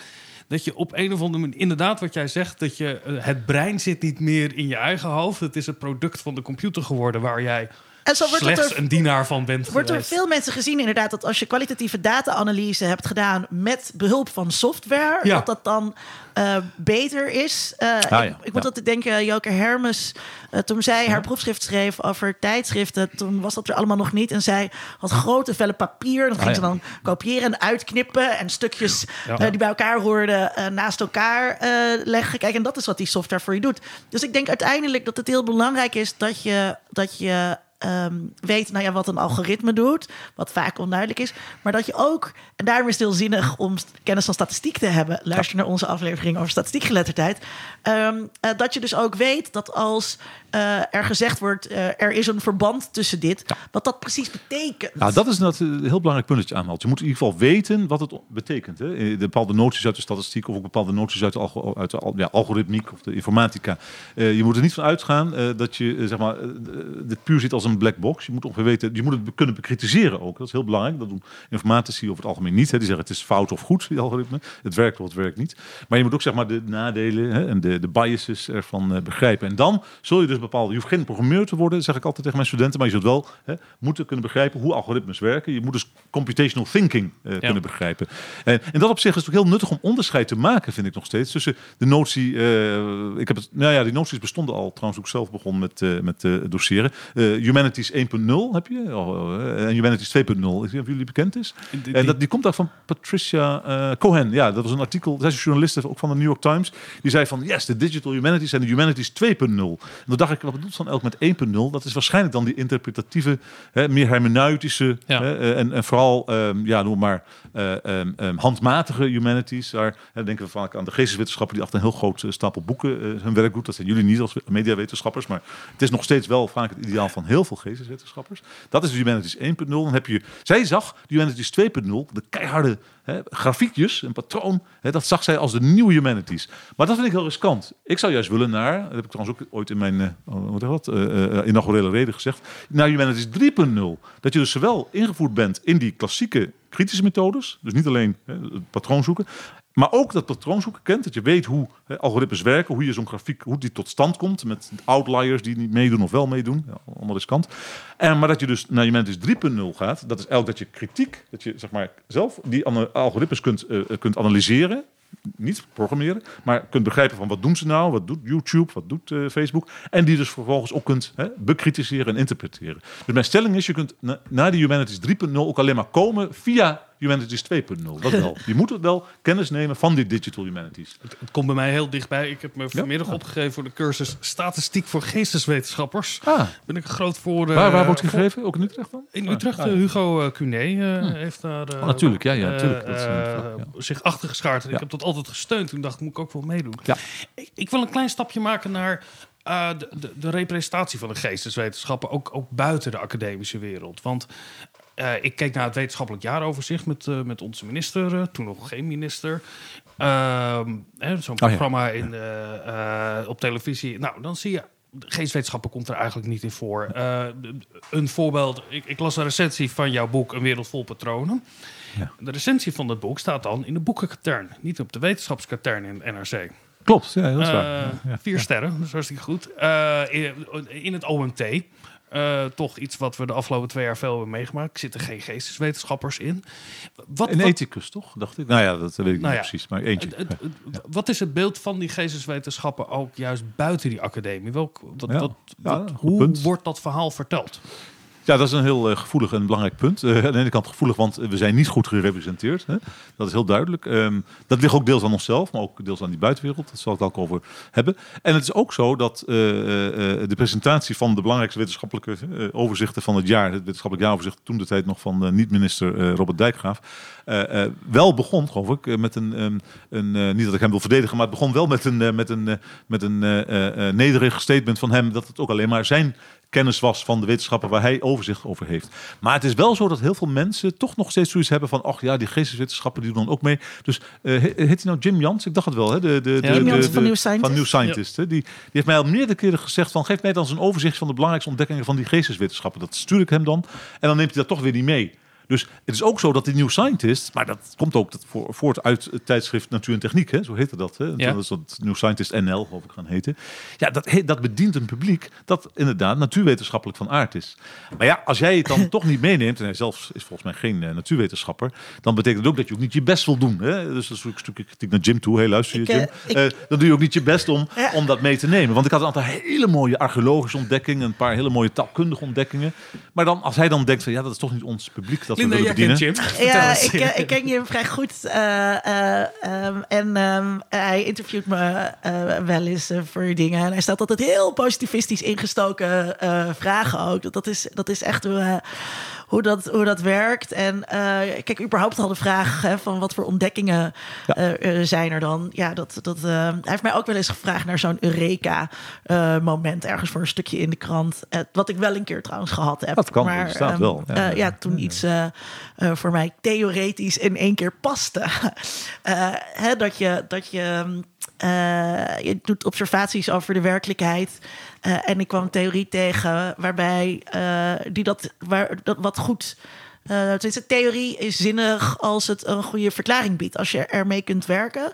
Eh, en dat was. En toen, toen had ik wel zo'n rekenmoment. Maar daar kon, daar kon je hem natuurlijk ook helemaal niks mee. Nee, dat was jouw moment. Ja. Nou ja, het was mijn moment. En, eh, en ehm, Toch is dit iets wat en- je in de geestwetenschap heel veel ziet... dat iemand vanuit een heel eigen perspectief... een bestaand concept nog eens een keer naar voren brengt... over dat diegene tot dezelfde conclusie is gekomen... als iets dat vaak al 20, 30 jaar geleden is geschreven... maar nu ook weer op een nieuw fenomeen toepast... en laat zien van, goh, dit is Ja. er nog steeds. Nou ja, je kunt, je kunt zeg maar een concept uit de sociologie of eh, uit een ander vakgebied eh, gebruiken eh, om, om tot een inzicht te komen. Ja, en, maar kijk, zo'n soort eh, persoonlijke ontdekking ga- gaat dus ook over. Dat zegt ook iets over onze omgang met theorie, die, die, eh, die dan ook weer heel eigen en specifiek is. Ja. de, de- de- iets breder het beeld over wat je terugziet over de geestwetenschappen als dat buiten de, de, de academische wereld is. wat, wat is het beeld wat jij daarin herkent, wat je terug ziet komen? Nou, ik vind dus wel. eh, ligt, er, ligt er natuurlijk aan over eh, welke tak van media je het hebt. Er is de afgelopen jaren heel veel geopinieerd over eh, dat nut van de geesteswetenschappen. Er zijn eindeloos veel stukken over eh, geweest. Ehm, eh, ik vind het eh, ook wel weer interessant dat je eh, bijvoorbeeld aan een televisieserie als The Chair, eh, die, Ja. die we pas geleden hadden. Ehm, ik denk niet dat zo'n serie eh, op dezelfde manier gemaakt zou zijn als het over eh, het departement eh, eh, theoretische natuurkunde was gegaan. Ehm, dus eh, het, het, het, het kleinzerige, het gekissebis, de, de eh, professor eh, met de stukken op zijn eh colbertje eh genaaid. Eigenlijk hoe jij eruit ziet, Vincent. Een boel oude witte mannen bij elkaar. Ehm, Ja. eh, dat, dat is ook wel een bepaalde representatie van de geesteswetenschappen. Naar binnen gekeerd, eh, arrogant. Ehm, eh, eh, trouwens, ook als het gaat over, als ik denk nu trouwens aan Amerikaanse films, dan eh, zijn dat altijd, zijn dat altijd ehm, staf die het met studenten doet. Eh, dus daar komen ook weer hele andere beelden van de geesteswetenschap eh, naar voren. Ehm, ja. Rensje schreef ooit: eh, eh, eh, laat studieaanbod niet afhangen van Ja. toevallige interesse van 18-jarigen. Ja, ja. Ehm, stel je voor dat je nu 16, 17 bent en je bent je aan het oriënteren. Ehm, en je stuit op een opleiding dat blijkt bij de faculteit geesteswetenschappen te zitten.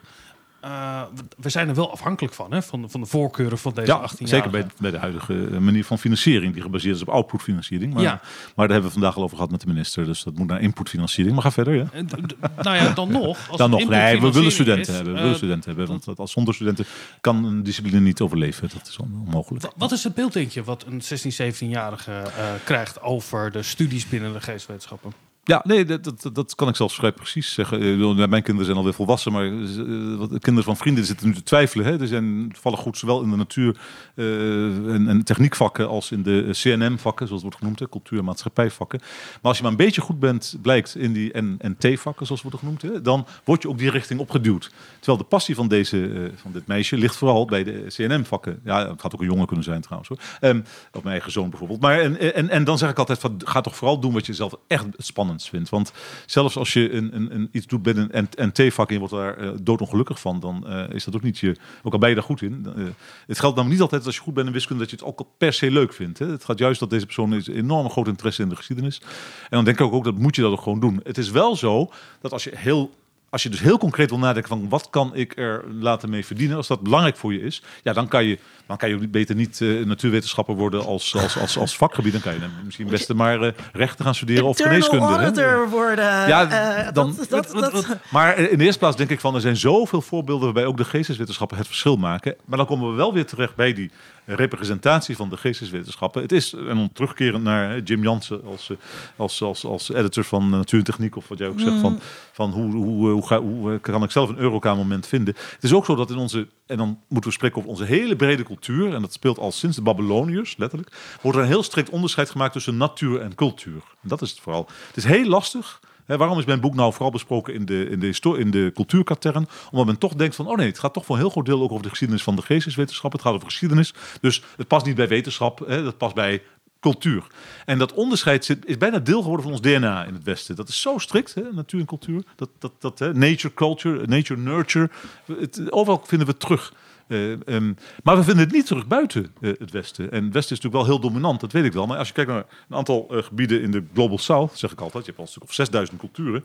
Dan zie je in Polynesië plekken waar, waar bijvoorbeeld alles als cultuur wordt gezien, zelfs de natuur. En ook omgekeerd heb je plekken in de wereld, bij de Maori, waar geloof ik alles als, ja, dat alles als natuur wordt gezien, zelfs cultuur.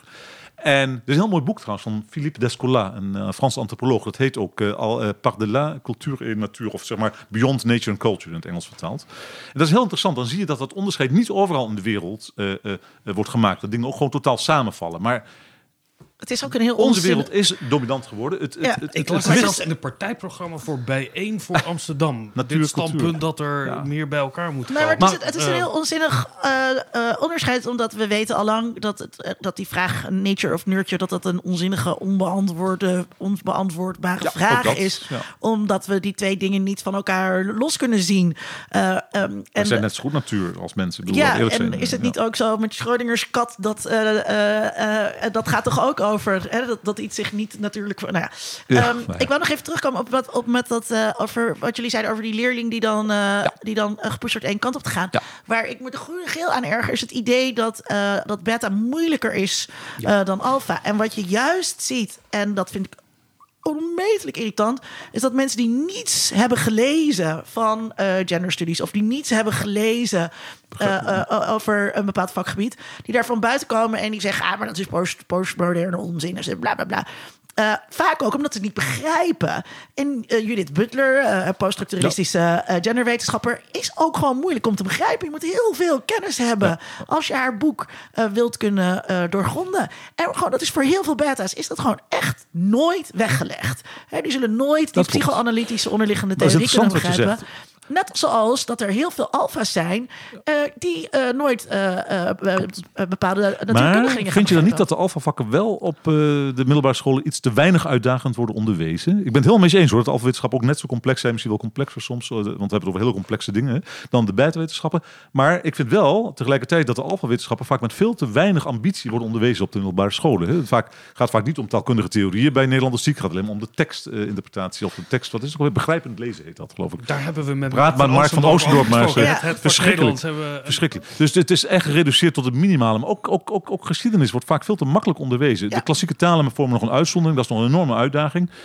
en dat is echt jammer. Ook literatuurgeschiedenis die wordt onderwezen bij de moderne talen is vaak veel te... Het is maar een heel klein boekje, eh, Ja. literatuurgeschiedenis. En dan Maar gaat het niet eens over literatuurwetenschap, maar alleen over geschiedenis. Ik denk ook soms dat we mediastudies veel te makkelijk eh, eh, onderwijzen. Eh, Ah, ook omdat wij Ja. eh, eh, eh, nu eenmaal eh, de de scholieren krijgen, wat is het met de laagste VWO-eindcijfers? Ja, je ziet dat. Ja, en, dat, het- eh, Nee, dat- en dat is een probleem, En dat, ja. dat is een probleem. Dus En we ik kunnen dat, dat niveau best wel omhoog krikken. Alleen gaan, vallen er dan meer mensen af. En En, ik denk dan dat zitten we weer met dat perverse systeem dat ons juist hè, eh, eh, eh, eh, eh, beloont naar, Ja. naar, naar gelang het aantal studenten dat we En afleveren. ik ja. neem aan dat dat op de middelbare school eh, ook zo is. Hè? Dus dat de mindere leerlingen er doorheen kunnen komen met een tussen aanhalingstekens pretpakket. en eh, dat die eindtermen daarop afgesteld worden. Dat kan ik me zomaar eh, voorstellen. Ik weet dat natuur en wiskunde de beste indicator geeft eh, voor het succes van een student op de middelbare school, als je daar hoog op scoort. Maar tegelijkertijd zie je dat studenten die daar hoog op scoren vaak gestuurd worden richting die richtingen. Want hè, je, je kan dat toch. eh, En dat zelfs de studenten die wij binnen onze cultuurstudies krijgen, vaak heel laag scoren op cultuurvakken. Eh, Ja. Maar ook laag op die andere vakken. Dus wij hebben precies die studenten die eigenlijk over de hele breedte op een sessie eh, Ah. scoren. Met uitzondering van bijvoorbeeld een opleiding eh, zoals Keltisch, waar je toch heel gemotiveerd moet zijn om daar te komen. En daar zie je ook meer studenten die een hoger cijfer hebben voor natuur en wiskunde. Dus Ah, daar, grappig. daar spelen Ja, hele ja. interessante dynamieken. Nee, maar dat, dat, dat- Maar ik wil het over bekend, eh, een één aspect daarvan hebben, over die 17, 18-jarigen. En dat gaat wat dan employability wordt genoemd. Ja. Ehm, je ziet nu volgens mij een, een tendens dat je aan de ene kant ziet... als je er kiest voor een opleiding in de geesteswetenschappen... dan word je opgeleid eh, voor, eh, voor de werkloosheid. Dus zal het in deze tijd wel meevallen. Maar je ziet daar een soort tegenbeweging in van... nee, Horeca heeft die- heel veel mensen nodig hoor. Ah. en die geesteswetenschappers die hebben we juist heel hard nodig. Want het zijn de 21st century skills. Kijk maar naar de grote bedrijven. Die roepen allemaal om dat soort mensen. Ja. Eh, en ik, ik heb twee vragen voor je die, die ik tegelijkertijd ga stellen. Namelijk, eh, eh, geloof jij dat dat zo is? En moeten we eigenlijk wel mee in dit verhaal om te gaan uitleggen waarom we wel nuttig zijn? Ja. Nou, de eerste vraag, gewoon een empirische vraag. Hè. Ik bedoel, dus niet geloof ik of die wel zo is. Eh, Het, het antwoord is, eh, eh, het is niet waar. Het is namelijk zo dat geesteswetenschap, of het is wel waar, ik weet niet meer precies wat de vraag ook alweer was, maar Ja. het is namelijk zo dat geesteswetenschappers eh, relatief snel een baan vinden. Er is namelijk een onderzoek geweest van Forbes, dat is toch het is een vrij sterk neoliberaal tijdschrift, die ook als resultaat heeft van surprise, Ja. humanities scholars, dat was dan op de Amerikaanse markt, vinden relatief makkelijk wel degelijk een baan, ook in bedrijven en overal, als kritische denker, maar ook mensen vooral met meerdere skills, hè, dus wel historische als bijvoorbeeld eh, digitale skills, die ook eh, vaak ook dan doorstromen tot CEO's van, eh, van een eh, En bedrijf. verdienen ook niet zo slecht. Verdienen ook niet slecht. Eh, het duurt wat langer voordat ze hun eerste vaste baan vinden, dat klopt. Maar daarna zijn ze ook vaak, hebben ze ook vaak, vinden ze ook vaak duurzamere banen. En dat Ja. was echt een, een schok. Hè. Is bijna tien jaar geleden dat onderzoek. Dat, hè, dus de humanities scholars verdienen, of humanities studenten verdienen eigenlijk helemaal niet zo slecht. En ze vinden ook nog een baan. Iets minder snel dan, dan, dan tandartsen. Maar die vinden ook wel heel snel een baan op dit moment. Ook al geldt er ook de varkenscyclus. Eh, Als er op een gegeven moment te veel tandartsen ontstaan, dan, dan raken die een tijdje werkloos. Maar ehm, dus, dus, dus, dus dit is een, een belangrijk eh, eh, eh, zeg maar inzicht daarbij. Het is ook wel weer waar dat we in Nederland, en net als heel veel andere landen, echt een tekort hebben aan bepaalde beta-wetenschappers. Vooral mensen die bij ASML, hè, de, de, chipfabrikant, de, de chipmachinebouwer, moet ik ook zeggen. Ehm, er is dus een tekort aan bepaalde beta-wetenschappers. Dus daar vind je nog makkelijker een baan. Dat moet ook gezegd worden. En dus ik zou ook zeggen van, vind je dat nou leuk? Ga dat vooral doen, want er is extreem veel behoefte aan. Maar het zou wel eens nuttig zijn om te, of nuttig, in ieder geval inzichtvol te zijn, eh, zijn om eens te kijken van, van hoe snel in Nederland, en dat, is, dat, dat onderzoek is in Nederland nog nooit gedaan, vinden mensen in bepaalde richtingen nu een, een, een, een, een, een, een baan of een, eh, een betaalde eh, aanstelling, zeg maar. Dat is, dat is de definitie van een baan, zou zeggen. Dus geen vrijwilligerswerk. Maar, en, eh, en, en, en kunnen we daar een eh, conclusies uit trekken? En dan denk ik, nou, dat dit, dit zou een belangrijk resultaat zijn als het dus heel erg meevalt met die geesteswetenschappers. Want dan zeg je ook van, kijk, ze zijn dus heel breed inzetbaar. En dan denk je meteen ook aan de beroemde voorbeelden. Ik geloof dat onze premier ook een historicus van huis uit is, hè, Rutte. een, eh, nee, ja, en de koning ook. Dus wat dat betreft kan je Ik geloof dat Geschiedenis. Bolkestein eh, was geloof ik bijna... Je zat in ieder geval in de, de, de board of directors van Shell. Dat was een klassicus. Hè? Dus, eh, ehm, eh, zo zie je dus dat je met geesteswetenschappelijke achtergronden... heel erg veel kant op kunt. In Engeland zie je dat trouwens nog steeds zo. Dat het, dat het, eh, in Nederland is dat nu wat moeilijker geworden. Men gaat dan vaak liever voor bedrijfskundigen. Hè, wat trouwens ook een- een vakgebied is wat, wat weer zo breed is. Nou, ik zeg niet dat het niks is, maar wat weer zo breed is dat je nog kunt afvragen: is dat wel een discipline? Hè? Dat is een beetje ook een allegaartje. Ehm, maar eh, eh, eh, eh, in heel veel landen is het nog zo dat mensen het heel erg waarderen dat je dus zo'n hele brede uh, humaniora achtergrond hebt. Ja. Ja, Is- ik ken het uit ook- Amerikaans en Brits onderzoek Ja. dat dat bij het Brits onderzoek werd erbij gezet, wat ik heel mooi vond, Ja? eh, toen ik me daarin verdiepte, is mensen met een humanities achtergrond zijn ook goed in hun werk, omdat ze goed met onzekerheden kunnen omgaan. En zeker in de toekomst zonder vaste banen zijn zij daar beter op Maar voorbereid. dit moeten we veel meer exporteren. Kijk, hier komen we dus weer terug bij dat imagoprobleem. Wat is het nou eigenlijk jammer dat geesteswetenschappers, vooral de toonaangevende wetens- geesteswetenschappers, ik denk aan Frits van Oostrom, hè, maar Ja. ook eh, vroeger Henk van Os, eh, dit niet ook meteen dan op tv keihard gaan zeggen. Kijk eens wat voor. Dat durven ze niet, of dat doen ze niet, want men vindt het eigenlijk te. Te wereldlijk, hè, te banaal. Hè. Het moet allemaal altijd Ja. net iets hoger zijn. Hè. De, de mooie, echt hoor.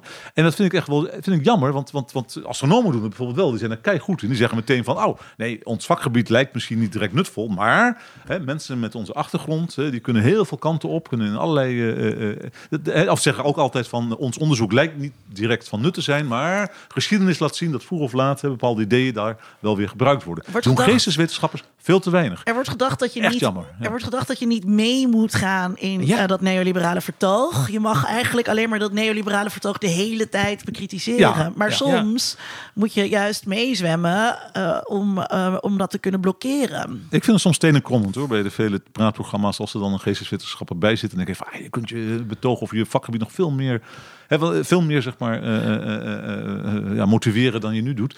Want het, vaak gaat het dan zo dat ze juist de problematiek erachter laten zien. Nou, dat is ook wel de geesteswetenschappers, dat is geesteswetenschappers eigen. Maar ze zouden ook wel eens een keer een harde waarheid naar voren kunnen brengen. En die bestaan dus, zoals u zei, hè, Michiel Bout heeft dat laten zien. Eh, Trouwens, Ja, nee, ik zit Ja. te denken, dat er is veel over geschreven. En ik heb het ook wel in verdiept in het onderwerp. En je ziet inderdaad een zeer gearriveerde schil, zeg maar, binnen de academie. Die roept het hardst, dit is een neoliberaal betoog. We moeten niet meegaan in deze nutdenken. Mhm.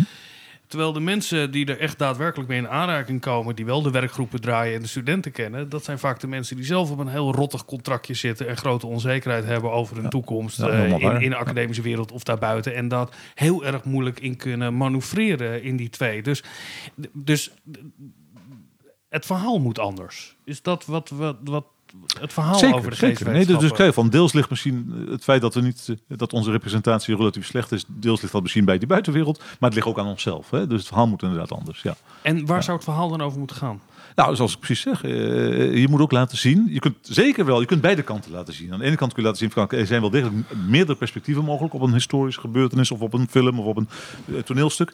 Maar eh, er zijn ook bepaalde echte waarheden hè, die we kunnen traceren, hè, bepaalde regelmatigheden. Het is ook mooi om dan ook het verhaal te vertellen. En dan hoeft het niet altijd over Vladimir Prop te gaan, maar kunt het ook over Raymond Williams hebben in de televisiewetenschappen. Dat je zegt van kijk, die heeft ook ontdekt dat je bepaalde patronen op een gegeven moment zag bij geloof ik, reclameblokken die een bepaalde manier voorkomen. En mensen gaan op een bepaalde manier daarnaar kijken. En wisten jullie trouwens dat CSI, hè, eh, dat dat maar steeds uit dezelfde achtzelfde building blocks bestaat, die eindeloos heen en weer worden gereshuffled. En iedereen trapt er keer op keer in. We vinden het nog steeds spannend. Hoe kan dat nou? Dat is zo fascinerend om dat eens te laten zien. En dat is een keihard resultaat. Hè? Ja. achter- Het bestaat maar steeds uit dezelfde soort...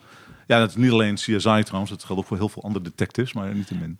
Dat zijn mooie resultaten. En dat zou je gewoon eens een keer keihard vertel- kunnen vertellen. Ja, Als ik- maar toch denk ik dat er ook mensen in de geestwetenschappen zullen zijn... die juist dan zeggen van op het moment dat je de uitspraak doet... in een soort absolute van... goh, eh, dit, dit, dit, dit, is, dit is zo herhalend, die acht eh, Ja. eh, elementen daarin. Dat is een hele structuralistische visie op over hoe Ja, verhalen vertellen. wie ben ik dan als kijker...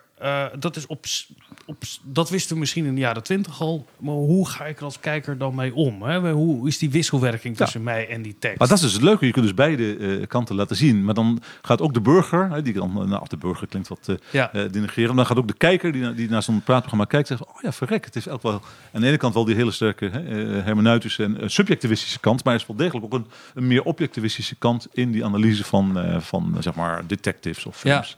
Ik denk dat je beide kanten zou moeten eh, tonen. En nu denkt men heel vaak dat dat vooral toch die hè, meer multiple perspectives of eh, hoe gaat de lezer, wat jij zegt, de kijker er mee om.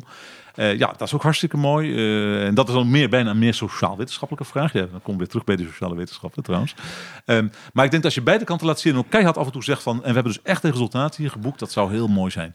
En dan denk ik dat het, en dat gebeurt maar heel langzaam, dat je, dat gaat, daar gaat een generatie overheen, dat mensen heel langzaam op een andere manier daar gaan kijken. Maar zolang wij inderdaad docenten hebben, die, of hoogleraren hebben, die eh, bij het eerste vak, en dat weet ik van, eh, van studenten die ik zelf eh, ondertussen in mijn, als AJO heb in mijn groep, bij eerste vak in, bij geschiedenis te horen krijgen... er bestaat geen waarheid in geschiedenis. Er zijn altijd meerdere... Wat, toch, wat onzin is, is dat er niemand meer zijn die zegt van... Er zijn, de, de holocaust heeft niet bestaan. Dat wordt zelfs, zoals ik net zei... er wordt zelfs in sommige landen met, de, met een gevangenisstraf bestraft. Maar... Dus er, er wordt gedoseerd in het allereerste vak van... er bestaat geen waarheid in de geschiedenis. Nou, dit is toch ten gekke. Dat Ik moet je niet doen. eerst- dat bij- moet je niet doen. Ja, maar goed, dat is mijn Eer- visie. Ja. Eerstejaarscollege filmgeschiedenis eh, met de grote Thomas Elsasser. Die zijn hoorcollege begon met... we moeten anders naar de filmgeschiedenis kijken. Eh, eh, dat is veel te teleologisch. Dat was ongeveer de eerste vijf minuten. Die hele zaal met 18-jarigen... die hadden nog nooit een film gezien van voor 1990. Kenden niks van de filmgeschiedenis. Moesten allemaal opzoeken wat teleologie was. Eh, en daarna ging zijn verhaal... wat een ontzettend sterk verhaal was... Maar het, het was niet enthousiasmerend voor die studenten natuurlijk om een soort liefde voor film te krijgen. En daarin, en, en daar zat een hele interessante mismatch. Linda, ik, eh, we, sluiten altijd af met een vraag. En, en, en die ga ik dan eerst aan jou stellen. Eh, we hadden het eigenlijk al een beetje over. Wat, wat, wat is er mis met het verhaal over de geesteswetenschappen? Moet er een, hoe zou een beter verhaal moeten zijn? Ehm, ja, dus dan kan ik eerst heel eh, geesteswetenschappelijk. Het geestelijke wetenschappelijke antwoord zou dan eerst zijn: eh, eh, hoezo is er iets mis? Vanuit welke positie beweer jij dat er iets mis is? Wat is mis eigenlijk? En laten we het nog even hebben over wat de geesteswetenschappen zijn. Ehm, ik. ehm, ik heb, ik heb al, ik ben sinds die stukken zijn verschenen en zo, en ik me dus ook wel een soort van in die geesteswetenschap bevind, me steeds afgevraagd in welk kamp ik nou zit. Zit ik nou in het kamp eh, er is wel nut, of zit ik in het kamp wat een stomme eh, vraag? En daar ben ik dus gewoon niet zozeer uit. Dus ook als jij nu stelt van eh, welk verhaal zou er verteld ehm, moeten worden, Moet je eerst vinden dat er een verhaal verteld moet worden? nou ja, dan, dan, dan impliceer je dus dat er dus, dat er dus twee verhalen zijn. Ik ehm, zou graag willen dat er meer waardering was eh, voor, voor de geesteswetenschappen. In de, in de vorm van bijvoorbeeld eh, wetenschapsjournalistiek, wetenschapscommunicatie. Ehm, dat ook de collega's dat zelf interessant en belangrijk eh, vinden. We hadden hier laatst Judith Keilbach en die zei... wij gaan niet... in Duitsland gaan mediawetenschappers niet aan de talkshowtafels zitten. Daar moeten ze niet aan denken. Nou, dat, ik vind dat we dat dus, dat we dus wel, dat we dat wel moeten doen. Eh, om, dat naar, om dat naar buiten te brengen. Om mensen inderdaad te laten zien... Ehm, ja, wat zijn we nou eigenlijk aan het doen? En, ehm, en los van de vraag of dat, of dat nut heeft. Hè? Dus wat jij zegt over CSI, en ik, ik praat zelf heel veel over reality televisie, dan leg ik dat uit. Ja, vinden mensen het dan nuttig dat je reality televisie bestudeert? Volgens mij stelt niemand die vraag als ze mij op televisie zien. Maar dan denken ze, oh, wat aardig om te weten. Net hetzelfde als wanneer iemand uitlegt, ik met een scheikundig proefje. En dan denken ze ook niet, oh, wat nuttig, daar gaat vast een heel goed medicijn van komen. Dan denken ze ook, oh, wat leuk, wat een scheikundig proefje. Nee, maar je moet fascinatie, je moet ook als het ware de vonk laten Ja, en daar zijn ze in, de, in de harde wetenschap heel goed in. In jonge kinderen, die fascinatie voor die wetenschap aanleren. Ik denk dat wij dat ook wat meer mogen doen. En, en dat hebben we al vaker gezegd in deze podcast, eh, met veel aandacht ook voor methode. Dus ook uitleggen, hè, hoe komen we tot de kennis eh, die we hebben. Dat vragen journalisten mij nooit. Ik heb nog nooit Ah. de vraag gekregen, hoe weet jij wat je weet? Of wat voor soort methode heb je dan eigenlijk toegepast? Dan zou ik zeggen, anticipeer op de vraag. Stel hem jezelf in, de, in, de, in het interview. Nou ja, maar dan heb je de kans natuurlijk dat dat, er, dat, dat, eruit, Ja, eh, dat, dat eruit geknipt wordt. Als ik ga vertellen, ja, hè, dus een scriptiestudent heeft net heel leuk dit soort onderzoek gedaan. En op deze manier hebben ze analyse aangepakt. Dat willen ze allemaal niet weten. Ze willen gewoon weten. In de bachelor eh, Hm. wordt er, de mannenversie, wordt er minder gesproken over eh, wensen van hoe, mensen en normen van hoe een relatie in elkaar zit. dan in de bachelorette, de versie waarin het een vrouw eh, is. En dat is natuurlijk een heel interessant inzicht. Eh, eh, om te delen. Dat is ook aardig, weet je, wat de luisteraar nu even meepakt. Nou, ja, dat, dat komt. Ja, straks Rens geef ik jou het laatste woord. Ehm, Wil je het eerst zelf zeggen? dan kan ik zelf. Nee, ik zat, het, het- het- wat mij opvalt is dat het verhaal. Dat, dat, ten eerste dat we heel solistisch zijn in de geesteswetenschappen, waardoor we eh, minder goed in staat zijn om ook met elkaar een verhaal te vertellen. Ja. Dat er ook een cultuur is dat om één iemand een verhaal vertelt, dat er drie mensen zijn. Dit is niet het juiste verhaal. We zijn Dat we- gefragmenteerd, dat kun je Ja, en- maar ook dat we elkaar daarin ook eh, beknotten. Altijd maar Om- bekritiseren. Altijd maar en, kritisch. eh, eh, dus d- d- dat, en er zit een soort Calimero-verhaal ook eh, achter van... goh, wat zijn wij eh, toch allemaal zielig en miskend. Daar moet je weg van eh, komen. En je moet inderdaad daar eh, de mooie verhalen vertellen. Want daar zijn we toch zo ontzettend goed in, denk ik. Om dat op een mooie manier over Ja. het voetlicht te brengen. Ja, en op dat opzicht moeten we ons natuurlijk ook niet eh, minimaliseren. Want inderdaad, we schrijven natuurlijk ook prachtige boeken die prijzen winnen, die enorme invloed hebben. eh, eh. maar tegelijkertijd moeten we ook iets eh, lering trekken uit het feit dat ook soms de prachtigste boeken ook soms buiten de academia worden geschreven. Hè. Denk aan het boek Revolutie. Hè. Denk aan eh, nou ja, een aantal andere werken buiten wat de universiteiten. Ja, wat, ja. nou ja, en, en, en in dat opzicht zijn dus de humaniora niet beperkt. De ge- geesteswetenschappen zijn niet altijd beperkt tot de universiteiten. Hè. Dus er gebeurt wel degelijk heel veel. En, en, en, en, maar ik denk dat heel veel dat, dat een grondige zelfanalyse hier van nut is. Maar we moeten oppassen dat we niet eindeloos op een recursieve manier de zelfkritiek op zelfkritiek blijven uitoefenen. Dat ja, en op het moment dat ik kritiek uit... eh, Hier- eh, ben ik natuurlijk hetzelfde aan het doen wat iedereen aan het doen is... door elkaar weer de maat te gaan nemen Ja, daarover. Dus dan, da- daar komen we denk ik heel eh, moeilijk Nee, uit. nee, nee, nee. nee wat, ik, wat ik wel bewonder, eh, ik zit met één voet toch ook in die eh, andere faculteit, aan, aan, aan ja, soms de sterrenkundige of ook de chemici of de wiskundige, dat, soms, met, dat ze soms met een enorme groot aantal mensen samen kunnen gaan werken. Ja. Van, we gaan hier eh, allemaal achter staan en daar gaan we ons eh, helemaal voor inzetten. En dan komt het ook door, zeg maar. Dan wordt er ook in, geïnvesteerd in dat geld. En dat was, dat heeft ook zijn redenen. Dat is ook zo gegroeid omdat er soms ook zoveel geld nodig was voor bepaalde grote eh, eh, onderzoeken. Denk aan eh, Van de Waal, zo'n 100 jaar, nou wel 120 jaar geleden. Eh, anders was het gewoon niet mogelijk. Eh, maar omdat geesteswetenschappers veelal toch het liefst in een eentje werken, dat zie je gewoon in de praktijk. Hoezeer ook team science of team geesteswetenschappen ook wordt benadrukt, eh, heeft dat, is dat ook onze Achilleshiel. Dat is on- Ja. onmiskenbaar. Ja. Rens, eh, ehm, je bent natuurlijk een soort van re- relatieve buitenstaander, toch? Een beetje. Ja, maar, eh, ehm, Nou, is het- Relatief. Ja, re- ja, relatieve buitenstaander. Ja. Ehm, is, het, was, is, is zo'n positie, denk je, nodig eh, om eh, de, die, die aard ook in kaart willen brengen? Omdat je daardoor onbevangen bent en niet zelf gedisciplineerd, zoals eh, eh, wat je zei, Ja, ja. hoe eerstejaarsstudenten natuurlijk gedisciplineerd in dat worden. opzicht ben ik, ik ben zeker geesteswetenschappen. buitenstaander op het gebied van de geschiedschrijving. Want ik ben niet eh, getraind als historicus. Hoewel, ja, ik heb wel een tijd in, in, in Rome gestudeerd, letteren. En daar heb ik ook wel wat vakken geschiedenis gedaan. Maar ik ben niet helemaal, ik ben zeker niet daarin afgestudeerd. Het is nuttig om buitenstaander te zijn, dat klopt. Eh, dat je van buitenaf hè, kunt kijken van hoe werken geesteswetenschappers nou. En ik kan, er ook, ik kan er ook naast zitten, want als je daar naar kijkt, dan denk je van...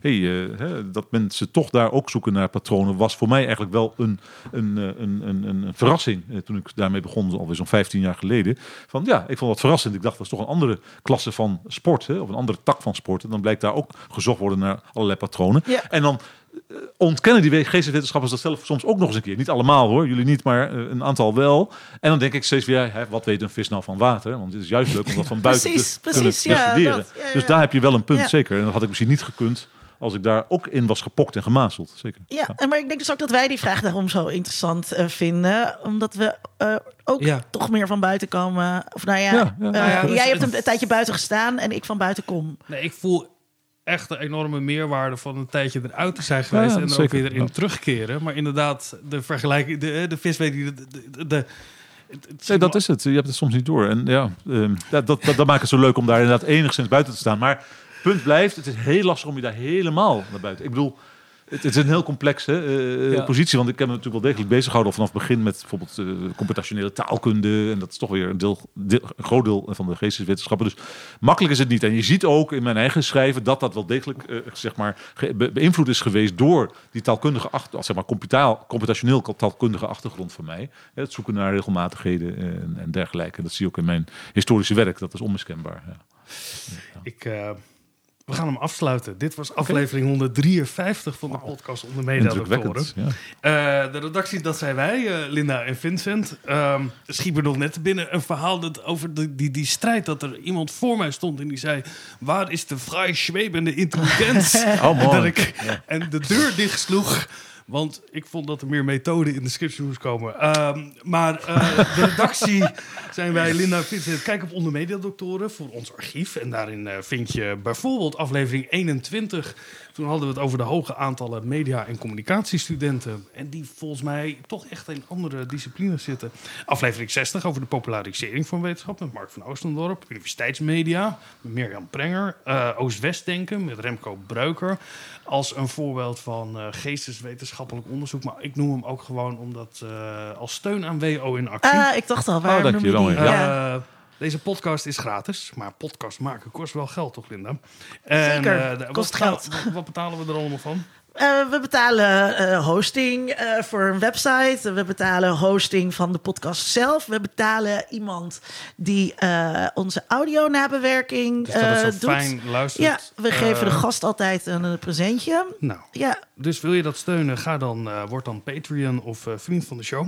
Wij danken zoals altijd Matthijs van Lisdonk voor zijn steun. En we iedereen die ons steunt, bedanken wij ja dat mag ook wel eens gezegd. Want we hebben niet alleen maar Matthijs van Lisdonk als de Lisdonk, patrons. Maar er zijn eh, nog veel meer mensen die ons In steunen. iedereen zit een Matthijs van Lisdonk. Eh, je kunt ons Ook als je je naam niet uit Ja. hebt teruggehoord wil hebben, kan je ons steunen. Eigenlijk steun je ons natuurlijk al door naar ons te luisteren. Ja. En eh, Rens, we danken jou heel hartelijk voor je Heel aanwezigheid erg leuk dat je er dank voor was. het leuke Heel erg gesprek. fijn. En ja. eh, ik hoop dat we je nog eens een keer mogen uitnodigen, want we zijn nog niet uitgesproken, denk ik. Ehm, dank aan jou. Ja, dank Vincent. En we zijn er over twee weken weer. Tot dan. Tot dan. Onder Mediadoktoren is een podcast van Vincent Kronen en Linda Duits. Meer informatie vindt u op ondermediadoktoren.nl.